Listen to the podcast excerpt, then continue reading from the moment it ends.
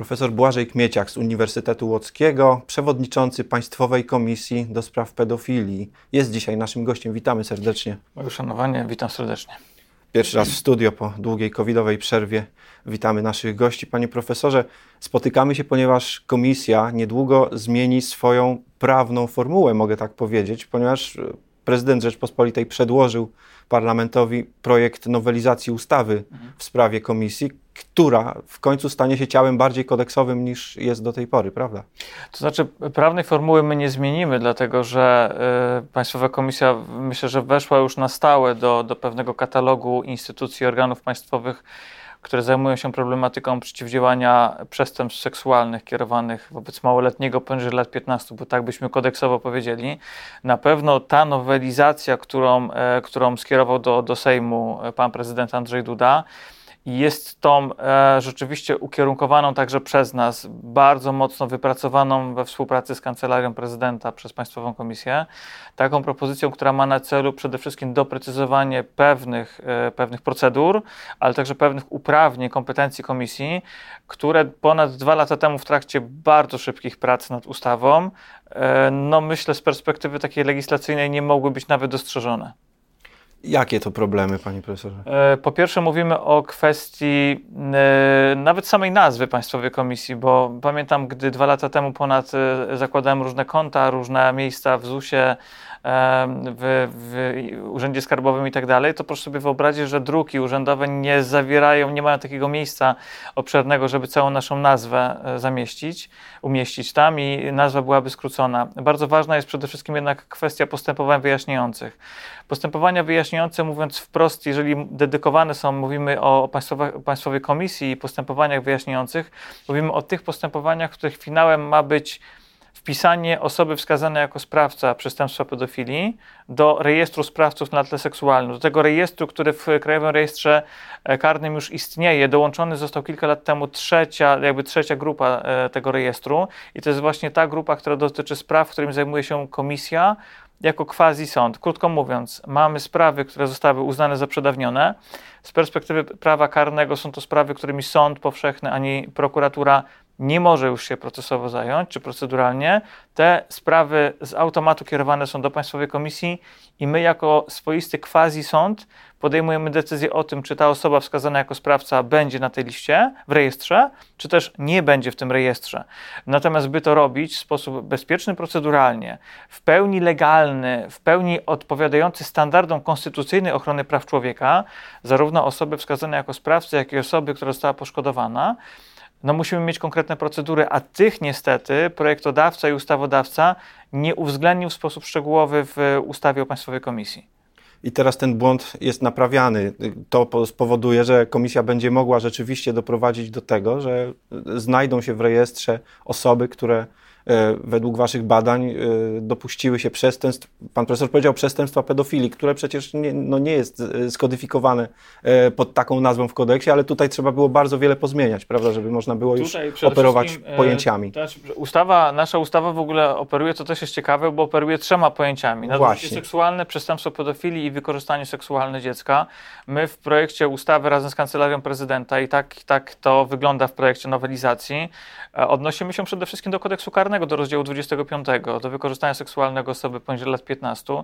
Natomiast wspomniane procedury są niezwykle ważne, dlatego że obecna ustawa, e, którą my się posługujemy i dlatego Państwowa Komisja 12 kwietnia 2021 roku podjęła uchwałę o wstrzymaniu prowadzenia tych postępowań. To była naprawdę bardzo trudna decyzja, ale nie była to decyzja z dnia na dzień. To była decyzja poprzedzona bardzo poważnymi ekspertyzami profesorów prawa i doktorów prawa, którzy zajmują się y, także jako sędziowie postępowaniem postępowaniem cywilnym i zwrócili nam wprost uwagę, że luki w procedurach, jakie są w naszej ustawie, doprowadzą do tego, do, do tragicznej sytuacji potencjalnie. Jeżeli wpiszemy kogoś na listę sprawców, to sąd cywilny nam uchyli to postanowienie, ponieważ nie ma składu orzekającego komisji, nie ma procedur, które dotyczą e, e, prowadzonego postępowania i możemy uznać, że postępowanie odwoławcze jest dość wadliwe, ponieważ jest to postępowanie tylko do jednego sądu, tak naprawdę do bardzo dziwnie sformułowanego cywilnego sądu okręgowego. Tak to jest określone w naszej ustawie. I dlatego my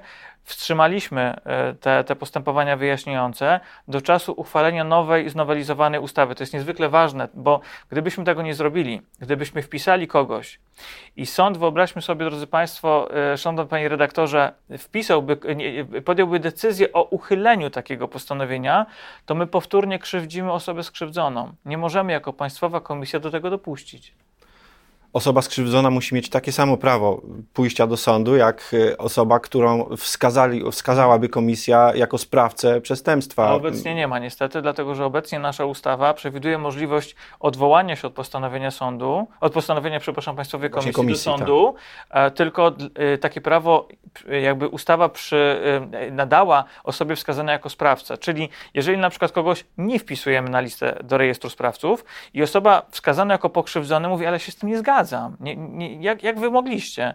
Ona nie może się od tego odwołać.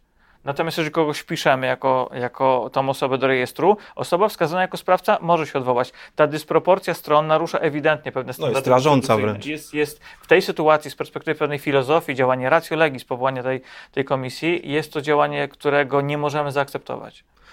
No i miejmy nadzieję, że to się wkrótce zmieni, bo komisja już przecież funkcjonuje jako organ pewien czas, już drugi rok, jeśli dobrze liczę, a no, no, ciągle stoimy w miejscu. Stoimy w miejscu, o ile wiem, również z tego powodu, że nie wszystkie instytucje które powinny znaleźć się w, w, w oku zainteresowania komisji, chcą z nią lojalnie współpracować, nie przekazują dokumentacji. To jest poważny problem. E, powiem tak, e, Państwowa Komisja ma kilka zadań. Wspomniane przez nas postępowania wyjaśniające to jest jedno z tych zadań. Innym zadaniem jest działanie monitorujące postępowania prokuratorskie.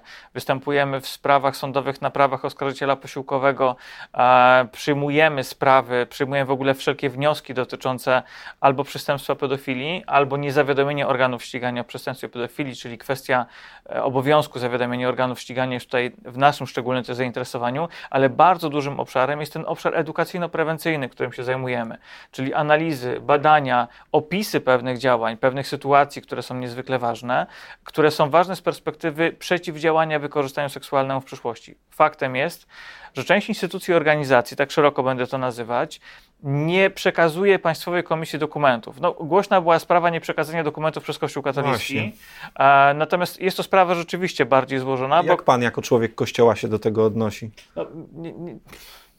Wielokrotnie zwracałem na to uwagę, że jest to sytuacja niezwykle trudna, dlatego że my nie chcemy e, badać dokumentów Kościoła po to, żeby kogoś, nie wiem, jeszcze bardziej ścigać, jeszcze bardziej karać, czy w tym kontekście. Tak jak zbadaliśmy akta spraw karnych, które były prowadzone od 2017 roku do 2021 roku na reprezentacyjnej próbie, pokazaliśmy, jak pewne luki, błędy, pewne trudności, które są e, w postępowaniach karnych, mogą wpływać przede wszystkim negatywnie i destruktywnie na osoby skrzywdzone. Jakie są procedury, czy te procedury są przestrzegane, czy nie. I dokładnie to samo chcielibyśmy zrobić z postępowaniem kanonicznym. Przy współpracy ekspertów, kanonistów, specjalistów prawa kanonicznego, chcielibyśmy dokonać takiego poważnego badania i o to się upomnieliśmy wiele razy, ale my się skupiamy na Kościele katolickim z perspektywy formalnej, takiej medialnej i tak dalej. Okej, okay, bo jest, jest to duża, specyficzna, myślę w ogóle dla Polaków ważna instytucja. Natomiast są też instytucje, które, drodzy Państwo, nam w ogóle nie udzieliły odpowiedzi. Większość związków sportowych nam nie udzieliło odpowiedzi na pytania, które skierowaliśmy. Większość z organizacji harcerskich, na przykład jedna organizacja bardzo porządnie, uważam, się zachowała po prezentacji drugiego raportu, bo rzeczywiście y, przeprosili, że milczeli, zwrócili uwagę, że wspierali osoby z Ukrainy, które, które w, naszym, w naszym kraju uciekały z, z terroru wojny. Przedstawili nam bardzo dokładne informacje, mówię tu o Związku Harcerstwa Rzeczypospolitej, wcześniej Skauci Europy, natomiast pozostałe grupy harcerskie nam nie przekazały tych informacji. Y, Izba Lekarska jedna powiedziała wprost, że nie pokaże nam żadnych danych informacji, ponieważ uważają, że nie mamy takich praw. Doprecyzowujemy. Może faktycznie ich nie macie, czytając ustawę obowiązującą. No właśnie to jest bardzo ciekawe, dlatego że obowiązująca ustawa bardzo jasno pokazuje, że misją i zadaniem i celem komisji jest sprawdzenie przeszłości. Nie możemy tego zrobić bez dokumentów. Nie możemy tego zrobić bez wyjaśnienia. Nie mamy możliwości wprowadzenia jakichś sankcji, jeżeli ktoś nam tych dokumentów nie przekaże, ale jednocześnie badanie przeszłości bez dostępu do dokumentów jest czymś metodologicznie totalnie wadliwym. A więc do, dostrzegliśmy też to i w projekcie nowelizacji zwracamy uwagę na taki bardzo ważny przepis, który mają także rzecznicy praw, praw mhm. obywatelskich, praw dziecka, praw pacjenta, e, praw tak. pacjenta również ma ten, ten, ten w ustawie o prawach pacjenta rzecznik. E, zwracają uwagę przede wszystkim na to, że instytucje i organizacje w ciągu 30 dni przekazują nam e, dokumenty i, i, i materiały. Więcej, ustosunkowują się do problemu przedstawionego przez komisję, bo Drodzy Państwo, jeżeli jest 69 albo 8 organizacji sportowych, do których, związków sportowych, do których kierujemy wystąpienia, odpowiada nam 23, reszta milczy. Z tych 23 większość nie widzi w ogóle problemu w swoich szeregach. A wiemy o tym, że ten problem zarówno w literaturze przedmiotu polskiej, anglojęzycznej się pojawia, jak i w naszej praktyce procesowej, no to coś jest nie tak ta bańka musi być przebita, a pytania słuszne dziennikarzy, nawet krytykujących Państwową Komisję, za co dziękujemy, bo to zawsze jest pewna recenzja, jaka jest skala tego zjawiska? Właśnie.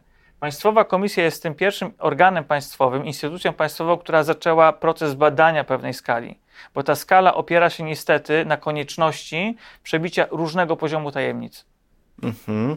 Na przykład tajemnic e, lekarskiej, to jasne, i nowelizacja, projekt nowelizacji ustawy bardzo do tego się odnosi, bo obecna, obecna ustawa tak naprawdę wyłącza nam możliwość wkroczenia w obszar tajemnicy zawodowej. Właśnie. Dla mnie, jako dla osoby, która była rzecznikiem praw pacjenta, to jest niezwykle ważne, bo tajemnica zawodowa, ja tak uczę moich studentów, e, tu sprostowanie nie Uniwersytetu Medycz- Łódzkiego, tylko Uniwersytetu Medycznego, Medycznego w Łodzi. Łodzi oczywiście. E, rzeczywiście bardzo mocno zwracam uwagę, że od, Hipo- od Hipokratesa mamy bardzo mocno rozwiniętą filozofię tajemnicy lekarskiej, tajemnicy medycznej. Rzeczywiście no, pojawia się jednak pytanie, jak wyjaśnić pewne kwestie, a mamy sprawy na przykład lekarzy e, i to w żaden sposób nie, nie chcę stygmatyzować teraz środowiska lekarskiego, chcę to bardzo jasno zaznaczyć. W każdym środowisku, które zajmuje się dziećmi, które ma kontakt z dziećmi, pojawiają się przypadki wykorzystania seksualnego dzieci. Niestety z perspektywy kryminologicznej jest to fakt niepodważalny. Także na przykład zdarzają się medycy. Musimy jako Państwowa Komisja, podobnie jak inne instytucje państwowe, mieć możliwość wkroczenia w obszar tej tajemnicy, jednocześnie pamiętając, że i nas obowiązuje tajemnica i panu redaktorowi i państwu nie będę mógł powiedzieć szczegółów z danego postępowania. No to mnie również obowiązuje tajemnica Oczywiście dziennikarska. dziennikarska, zresztą rozmawialiśmy kiedyś o tym. Zdarzyło tak. się. E, chciałem zapytać Pana osobiście, czy Pan sobie tak wyobrażał pracę tej komisji? Czy to Pana jakoś dotknęło? No, w momencie, kiedy pojawiała się e, Państwowa Komisja, była to wielka jedna niewiadoma. E, ustawa o Państwowej Komisji powstała, jakby powiedział profesor Leon Petrażycki, wybitny e, filozof Wielka prawa, e, powstała w wyniku pewnej emocjonalnego działania prawa, ale wróćmy też do niej, Lex Trynkiewicz. Także, pamiętacie Państwo, dyskutowano wtedy o pewnych granicach konstytucyjnych, granicach wolności, praw człowieka i tak dalej. Człowieka, który odbył swoją Oczywiście, karę, a, tak, no, ale powinien być izolowany zdaniem wiemy. Ekspertów, tutaj, tutaj tak? tak naprawdę też mamy pewną sytuację dotyczącą pewnego miksu prawa karnego, prawa cywilnego, prawa rodzinnego, trochę administracyjnego i myślę, że y, pewne wyobrażenia, jakie ja i moi, moi koledzy, koleżanki z Państwowej Komisji mieliśmy, y, myślę, że trudno powiedzieć, jakie one były. Na pewno to, co myślę, że jest ogromnym, y, bardzo ważnym elementem działania Państwowej Komisji.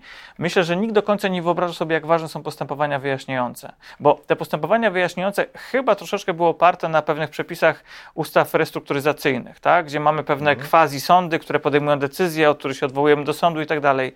Tu materia jest troszeczkę inna, z ogromnym szacunkiem dla też dramatów, które wiem, że, że, że państwowe organy zajmujące się restrukturyzacją też, też, też obejmowały, ale Materia jest o tyle inna, że dotykamy problemu de facto cywilnej sankcji, pewnej wtórnej no, stygmatyzacji. No, Strymkiewicz jest rzeczywiście dobrym przykładem. Kto by chciał być w rejestrze sprawców na tle seksualnym wpisany? Nikt. Tutaj nie musi ktoś iść do więzienia. To jest taka sankcja, która jest realna, a jednocześnie oparta jest na filozofii prawa karnego, na przepisach cywilnych. cywilnych. Więc jest to rzeczywiście pod kątem e, pewnych wyobrażeń. Myślę, że nie do końca nikt z nas e, nie zdawał sobie sprawy z tego, jak to będzie wyglądać, ale jednocześnie pokazuje to, jak ważna jest to materia.